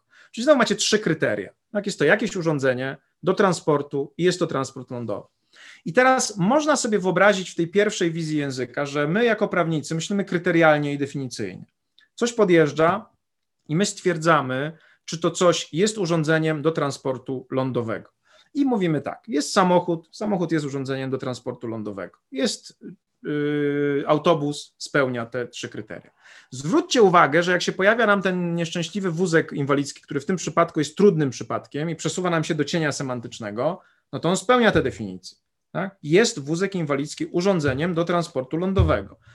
Ale mimo to czujemy, że tutaj jest jakiś problem. Tak? I mimo to mamy wrażenie, że nawet spełnienie tych kryteriów no nie pozwala nam podjąć bardzo jasnej takiej decyzji, że to jest y, pojazd i w związku z tym nie wpuścić go do, parku. Dlaczego? Dlatego, że jak przejdziemy na myślenie indukcyjne, czyli powiemy tak, aha, najpierw był samochód, później był autobus, a teraz jest wózek inwalidzki, to widzimy, że jest między nimi różnica. Tak? Mimo, że wszystkie spełniają te kryteria, więc może coś jest nie tak z naszymi kryteriami. I to mniej więcej mówi Wittgenstein. Tak? Nie wiemy, dlaczego akurat te kryteria. Kto je wymyślił? One są pewnym podsumowaniem naszej historii użycia słowa pojazd, ale mogą się pojawić trudne przypadki i wtedy możemy mieć wątpliwość. Spójrzcie na to, co tutaj jest teraz na tym slajdzie. Tak? Jest to jakaś karoseria umieszczona na jakichś dziwnych nogach, nie wiem, może to jest instalacja artystyczna, może to jest jakiś łunochod, cokolwiek, nie, nie wiem jak to nazwać. E, możemy mieć wątpliwości, to jest na pewno trudny przypadek. Być może da się tym poruszać po lądzie, więc moglibyśmy powiedzieć, że jest to pojazd, bo jest to urządzenie do transportu lądowego. Ale ponownie widzimy, że no jest to on niepodobny do tego, co było wcześniej i przejście na myślenie indukcyjne, na takie myślenie, które mówi raczej porównaj sobie tę nową sytuację z tymi wcześniejszymi sytuacjami, jest, wydaje się, sensowniejszym, sensowniejszym e, podejściem. Więc problem tej wizji z pierwszej połowy XX wieku, problem tego, tej, tej wizji języka jest taki, że ona jest kryterialna, jest oparta na definicjach, które mają zbiór, są, są zbiorem kryteriów i powstaje zawsze wątpliwość, kto wybrał te kryteria. To autor słownika, prawda? Czy one są indywidualne, każdy z nas ma inne, czy są społeczne, dzielone? Y, czy one są przygodne, czy konieczne, czyli czy wszystkie muszą być spełnione, czy nie muszą być spełnione? Oczywiście marzy nam się, żeby definicje były bardzo precyzyjne, żeby miały właśnie bardzo konkretne kryteria, ale jak wiemy, to nie zawsze jest możliwe. No, ktoś mógłby powiedzieć, być może gdyby w naszej konstytucji zdefiniowano życie w sposób taki bardzo, bardzo konkretny, powiedziano konkretnie, w którym momencie ono się zaczyna, no to wtedy w ogóle nie mielibyśmy dyskusji. Ale rozumiemy też, że to chyba nie jest zasadne, dlatego że my rozumujemy o tym, czy coś jest życiem, czy nie jest, nie na podstawie jakiegoś bardzo jasnego kryterium, tylko raczej na podstawie właśnie kwestii funkcjonalnych, pewnych podobieństw, na przykład tego, no, no, no właśnie, czy coś może stać się życiem, czy ma szansę życia, czy przejawia wszystkie, właśnie ma wszystkie przejawy życia. Prowadzimy inną dyskusję niż taką bardzo prostą, techniczną dyskusję kryterialną. Dzięki robi, możemy to robić i możemy o tym rozmawiać właśnie między innymi dlatego, że ta wizja języka nam się zmieniła, bo pamiętajcie, że ostatecznie, nawet w tak trudnych sprawach jak rozstrzygnięcia aborcyjne, no jednak one są zależne od takiego prostego, można by było stwierdzenia, to jest życie. Tak? Ktoś to musi powiedzieć, ktoś musi powiedzieć, to jest życie albo to nie jest życie. Tak? Czyli musi użyć języka do kwalifikacji rzeczywistości. I z tego wypływają inne konsekwencje. I tutaj bardzo dobrze widać, jak mogłoby działać kryterialne podejście do życia, a jak może działać to drugie podejście, które jest raczej funkcjonalnym podejściem do życia. I dyskusja, którą my toczymy nad tym życiem w sprawach aborcji, ona raczej jest funkcjonalna niż kryterialna, bo wiemy, że kryteriów nie może być. Prawda? Funkcjonalna, a nie kryterialna. Dlatego ten drugi Wittgenstein w tym, w tym po drugiej połowie XX wieku zmienia nasze spojrzenie na język i w pewnym sensie mówi nam rzecz następującą. Podejście definicyjne to jest podejście nienaturalne, w szczególności jest to podejście niezgodne ze sposobem nabywania języka. My nie uczymy się języka przez uczenie się definicji i kryteriów, tylko przez praktyk. I na początku dociekań filozoficznych y, Wittgenstein cytuje świętego Augustyna i tam jest taki opis, który teraz widzicie, uczenia się języka opisany przez świętego Augustyna, który, jak na niego spojrzycie, jest pełen praktyki, zanurzenia, zanurzenia, w praktykę, prawda? Mówi święty Augustyn, dorośli nie uczyli mnie poszczególnych słów w tak określonej kolejności, jak później uczyli liter. Zachowywałem w pamięci dźwięk, jakim oni daną rzecz nazywali i gdy widziałem, że pod wpływem takiego dźwięku poruszają się w pewnym kierunku, pojmowałem, że nazywają daną rzecz tym właśnie dźwiękiem, który wypowiadają wtedy, kiedy chcą na nią wskazać. Stopniowo rozpoznawałem, jakie rzeczy oznaczone są słowami, które się często pojawiały w określonych miejscach różnych zdań, a opanowawszy wymowę, słów wyrażałem za ich pomocą własne życzenia.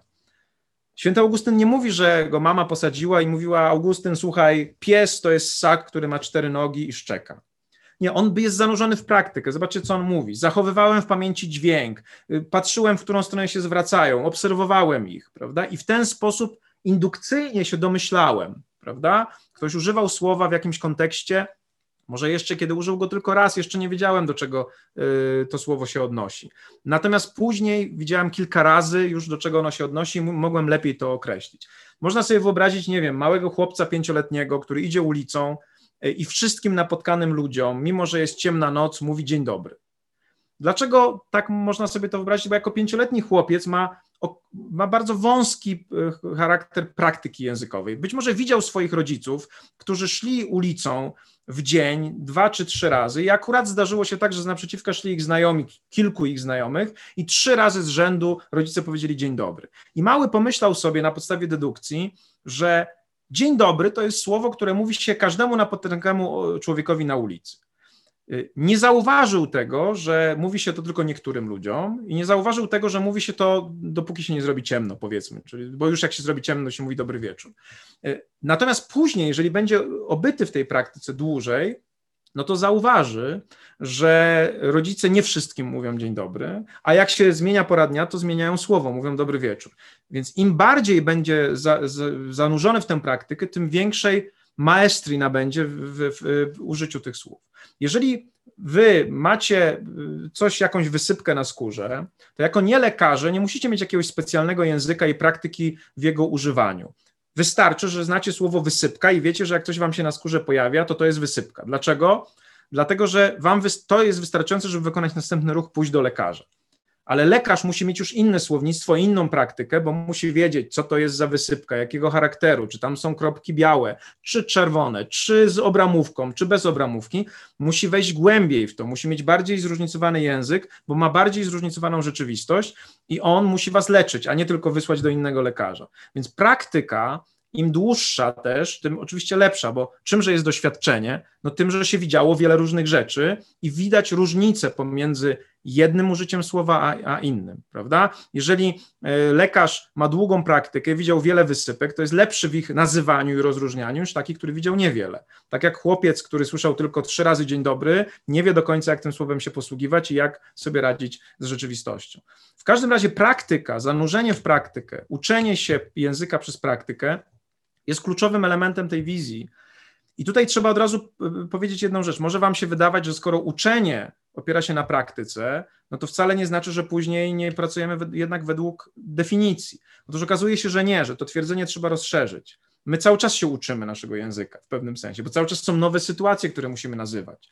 I cały czas pojawia się nowy kazus, w którym sędzia musi zastanowić się, czy to jest zabójstwo. No czymże to jest niż nie zastanowieniem się, czy ma zastosować słowo zabójstwo do tej sytuacji, czy ma zastosować termin obrona konieczna, czy może przekroczenie obrony koniecznej, czy może nienależyta staranność.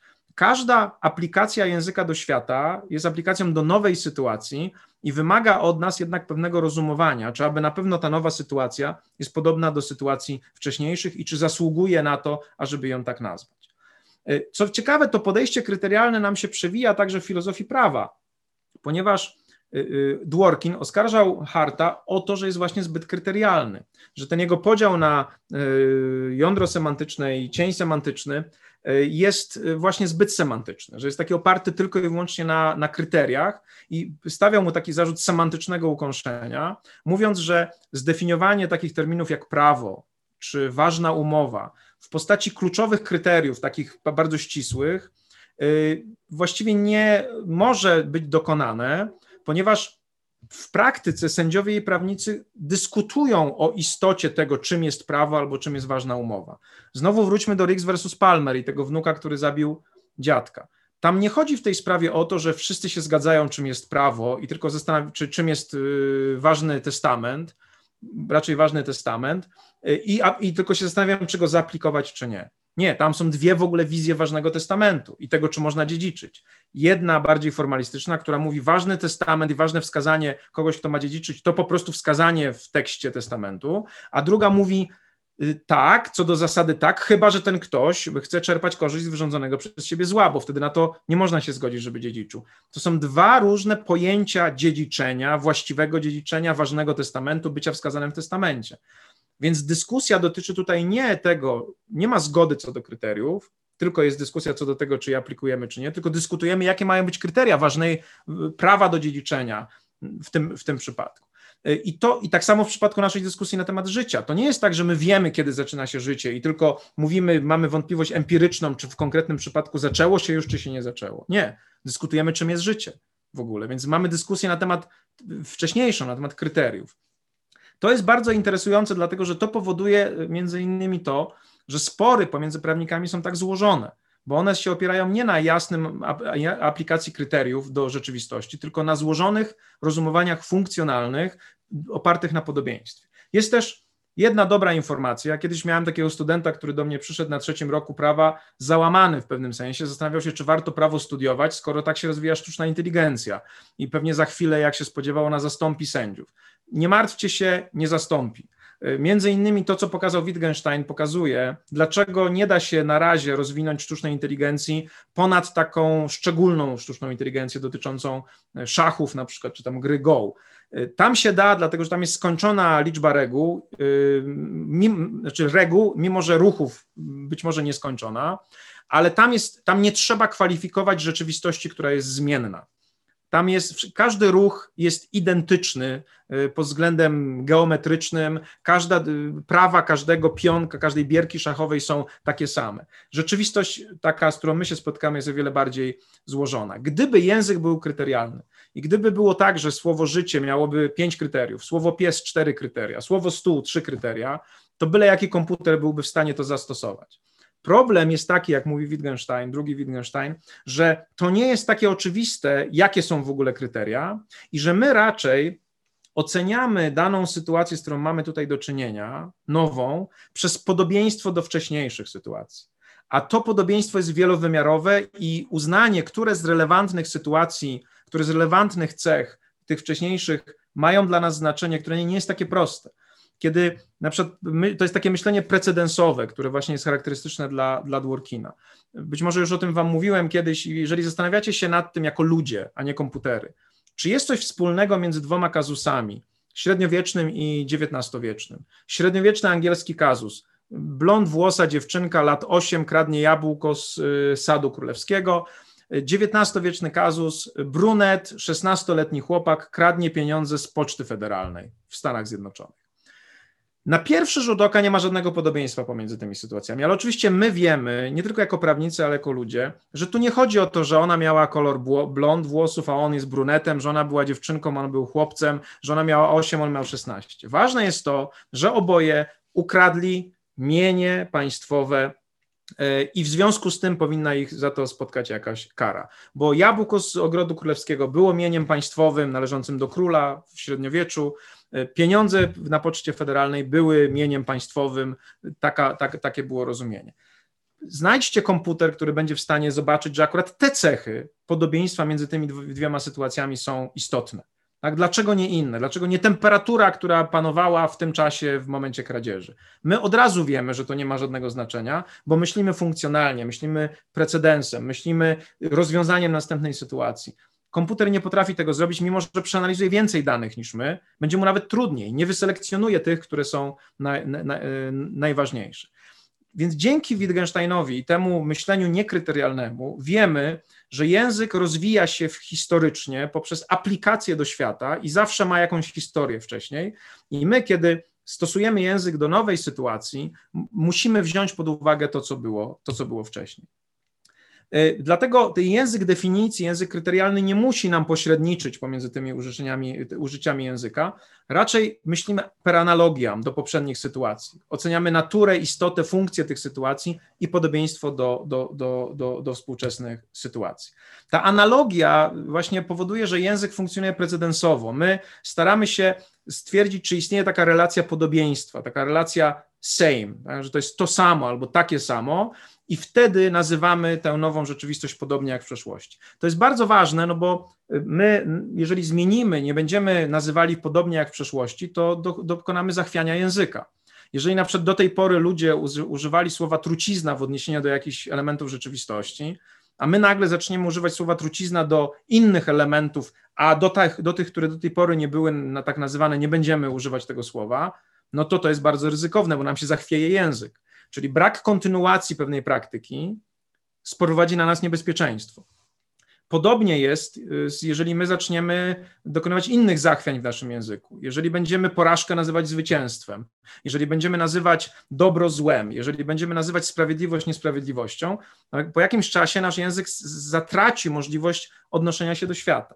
Takie zjawisko następuje najczęściej w systemach totalitarnych, jak jak znacie, mm, Orwella i rok 1984, to oprócz wszystkich elementów, które tam są, jednym z elementów jest element tej newspeak, nowomowy i pewnego rodzaju alienacji ludzi ze świata, bo już w nic nie można wierzyć i język już niczego nie nazywa, bo to jest cecha systemów totalitarnych, że one, zachwi one zachwiały językiem, zaczęły nazywać inaczej rzeczywistość, odcięły się od tradycji. Znowu mnóstwo nawiązań mamy tutaj do, do, do, do Dworkina, no bo okazuje się, że jak ja zakończę praktykę, nie będę kontynuował nazywania rzeczywistości tak, jak nazywali ci, którzy byli przede mną, nie uwzględnię tego, co oni wiedzieli na temat świata, no to wtedy społeczeństwo coś traci. I tutaj pojawia się nam Ruth Garrett Millikan, która, tak jak powiedziałem, jest współcześnie piszącą filozofką języka i która używa takiego terminu, który jest nam bardzo, bardzo, będzie to jej przydatny, mianowicie linearz ona stworzyła taką koncepcję linearzy w języku. Linearz to jest pewnego rodzaju historia, tradycja. Można jej użyć w sensie biologicznym. E, nie wiem, rasowe psy mają właśnie rodowód i są w pewnym linearzu. Jeden pochodzi od drugiego. Wszystkie stworzenia pochodzą jedno od drugiego, prawda, w takich liniach biologicznych. E, język, jak się okazuje, mówi Millikan, też ma swój linearz. Język funkcjonuje w taki sposób, że oto ktoś kiedyś pierwszy raz użył słowa i odniósł go do rzeczywistości, odniósł je do rzeczywistości, a następnie ktoś kopiował to zachowanie, odnosząc to słowo do podobnej rzeczywistości. Czyli każde słowo, każde zdanie, każde narzędzie językowe ma swoją historię. Gdzieś kiedyś zostało po raz pierwszy użyte, i funkcjonuje, jest powtarzane poprzez to, że słowo pies jest przez różnych ludzi do różnych psów odnoszone. Słowo stół jest przez różnych ludzi do różnych stołów odnoszone, ale generalnie wszyscy pilnują, żeby ono odnosiło się do rzeczy, które są podobne do tych, które odnosiły, do których odnosiły się e, te słowa wcześniej. Te linearze nieraz są, mogą być nazywane wielokrotnymi ugruntowaniami, czyli takimi ugruntowaniem słowa jakby w rzeczywistości. Jak powstaje taki linearz? Millikan mówi, nie tylko ona, ale także inni filozofowie, że na początku jest coś, co można nazwać chrztem pierwotnym. Taką, taką, taką sytuacją nazwania, kiedy po raz pierwszy się czemuś nadaje imię czy nazwę, prawda? To jest oczywiste w przypadku osób, ale no, zapewne było tak, że kiedyś po raz pierwszy pojawiło się słowo w języku, które odnosiło się do jakiejś rzeczywistości. I ta rzeczywistość, i, i później inni ludzie kopiowali to słowo i odnosili do kolejnej podobnej do tamtej rzeczywistości, tworząc pewną korelację między stanem rzeczy y, y, w rzeczywistości a tym znakiem. Y, jeżeli ta natura stanu rzeczy korelowała ze znakiem, to użycie było poprawne, udane, a jeśli korelacja mm, nie zachodzi, to było nieudane. No bardzo prosto to sobie wyobrazić w przypadku słowa trujący, jeżeli ktoś nazwał właściwie jagodę trującą, no to jej nie zjadł. Jeżeli natomiast nazwa, nazwał ją niewłaściwie, czyli na przykład nazwał ją jadalną i ją zjadł, to umarł, a jeżeli coś jadalnego nazwał trującym, to stracił okazję na pożywienie, co kiedyś w społeczności zbieraczy y, było, było też pewnym, pewnym ryzykiem. Więc precyzyjne nazywanie rzeczywistości jest bardzo ważne i Milikan mówi, że ono ma coś, co można nazwać wartością przeżycia.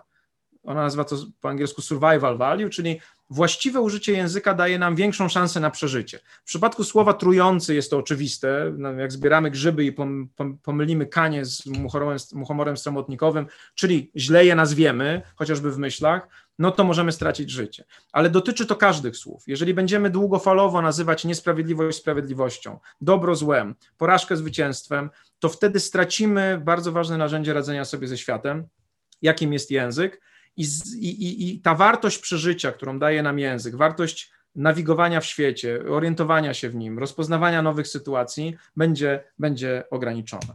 Millikan używa takiego ciekawego przykładu ze świata zwierząt, ponieważ ona jest także filozofem, filozofem biologii, więc mnóstwo rzeczy wie na ten temat. Mówi, że bobry mają taki bardzo prosty sposób komunikacji, taki prosty język, moglibyśmy powiedzieć, mianowicie kiedy w otoczeniu pojawia się drapieżnik, albo jeden z bobrów słyszy, albo widzi drapieżnika, wtedy uderza tym swoim płaskim ogonem o wodę i to jest sygnał, który powoduje, że wszystkie inne bobry uciekają. I Millikan na tej podstawie pokazuje, jak się, jak funkcjonuje bardzo prosty system komunikacji, ale z tego można, można to przenieść na nasz system komunikacji, bardziej złożony. Ona mówi tak, w historii bobrów wytworzyła się korelacja między tym znakiem, a pojawiającym się drapieżnikiem. Y, były prawdopodobnie w tych gromadach bobrów takie bobry, które tej korelacji nie widziały. Na przykład, kiedy jeden bóbr klaskał tym ogonem w wodę, one się zaczynały rozglądać, bo być może myślały, że jest to sygnał, że pojawiało się coś do zjedzenia, albo myślały, że to jest wyrażenie radości, albo myślały, że to jest sygnalizacja tego, jaka jest temperatura wody. Jak mówi Milikan, tych bobrów już z nami nie ma, dlatego że zginęły, zostały zjedzone przez drapieżników, a więc selekcja naturalna i presja selekcyjna spowodowała, że te, które nie potrafiły korelacji rozpoznać, wyginęły, a te, które potrafiły rozpoznać korelację, żyją dalej. To przenoszone na nasz język pokazuje, że my współcześnie, jako Homo sapiens, rozwinięty bardzo, bardzo mocno, mamy szczególnie wypracowaną ewolucyjnie umiejętność korelowania znaków ze światem, ponieważ ci z nas, którzy jej nie mieli, wyginęli. A więc my jesteśmy efektem pewnej selekcji genów. W, naszych, w naszym DNA są geny wyselekcjonowane co do umiejętności rozpoznawania korelacji znaków ze światem, a także właśnie genów, które odpowiadają za to, że jesteśmy w stanie rozważyć to, co jest istotnym elementem rzeczywistości, który zasługuje na nazwanie, a co nie jest takim elementem rzeczywistości. Czyli wiemy, że w naszym kazusie z dziewczynką blond i chłopcem, chłopakiem brunetem, to nie kolor włosów jest istotny, tylko coś innego. To także jest pewne wyposażenie, które jest wyposażeniem w pewnym sensie genetycznie zachowanym. I teraz, co się dzieje w takiej społeczności bobrów? Ten to uderzenie, ten znak prosty, on ma bardzo dużą wartość dla tej gromady. On ma wartość przeżycia, bo jeżeli na przykład pojawi się szalony bóbr, który będzie walił tym ogonem w wodę cały czas, no to ten język, ten, ten sygnał straci swoją wartość, bo nastąpi taka inflacja. jest trochę tak, jakby na uniwersytecie codziennie będzie włączany y, alarm przeciwpożarowy, no to w końcu, kiedy będzie pożar i się włączy ten alarm, to nikt nie wyjdzie z budynku, prawda? Inflacja znaku. Więc bardzo ważne jest dla społeczności, żeby pilnować tego, ażeby ten plusk rzeczywiście odpowiadał drapieżnikowi, a nie czemuś innemu, bo to jest pewna wartość. I tu możemy znowu to sobie ekstrapolować na nasz język. Dlatego kłamstwo jest złą rzeczą, dlatego manipulacja, dlatego propaganda jest złą rzeczą, ponieważ ona niszczy naturalny związek języka ze światem. Dlatego sędziowie muszą bardzo pilnować tego, żeby język odnosił się do, właściwie do rzeczywistości, bo jeżeli przestanie się odnosić właściwie, to, to, to straci swoją wartość przeżycia. A jak mają to zrobić? Jak robią to bobry? No bobry robią to w bardzo prosty sposób, mają małe mózgi, uczą się naśladować i są genetycznie też wyposażone do tego, to co było wcześniej, czyli klaszczą tym ogonem, czy uderzają tym ogonem w wodę wtedy, kiedy spełnione są przesłanki dla tego uderzenia, czyli korelacja, znak, świat, uderzenie ogonem drapieżnik. I nie robią tego wtedy, kiedy drapieżnika nie ma, a przynajmniej, dlatego że wtedy, jak powiedziałem, ten język, ten sygnał straciłby swoją wartość. W naszej społeczności precyzyjne odnoszenie się do takich samych sytuacji, zwróćcie uwagę, że to nie jest tak, że zawsze pojawia się ten sam drapieżnik o tej samej porze dnia, w tym samym świetle i, i zawsze jest to ten sam drapieżnik. Bobry mają wielu naturalnych drapieżników, więc wymaga to od nich jednak pewnej interpretacji, aplikacji języka do świata, stwierdzenia podobieństwa pomiędzy tymi, tymi sytuacjami, które wcześniej były sygnalizowane uderzeniem ogonem o wodę. I teraz wracamy do języka i do Dworkina. Jeżeli bobry nawet uczą się w pewnym sensie historycznie, poprzez linearz tego znaku i korelację, to tak samo język prawny, nasz ogólny, język prawny działa na zasadzie tego, że był wcześniej wielokrotnie użyty do nazwania jakiejś rzeczywistości. Ktoś wielokrotnie stwierdził, to jest zabójstwo, to jest zabójstwo, to jest zabójstwo, albo to jest obrona konieczna, to jest obrona konieczna, to jest obrona konieczna. I my, znając tę praktykę, jesteśmy lepiej wyposażeni, żeby nowe sytuacje nazywać dlatego że były one podobne do tego, co było, było wcześniej. I jednocześnie nasze prawidłowe nazywanie, czyli ta kontynuacja tej historii użycia, jest warunkiem tego, że mamy do czynienia z zachowaniem tej survival value.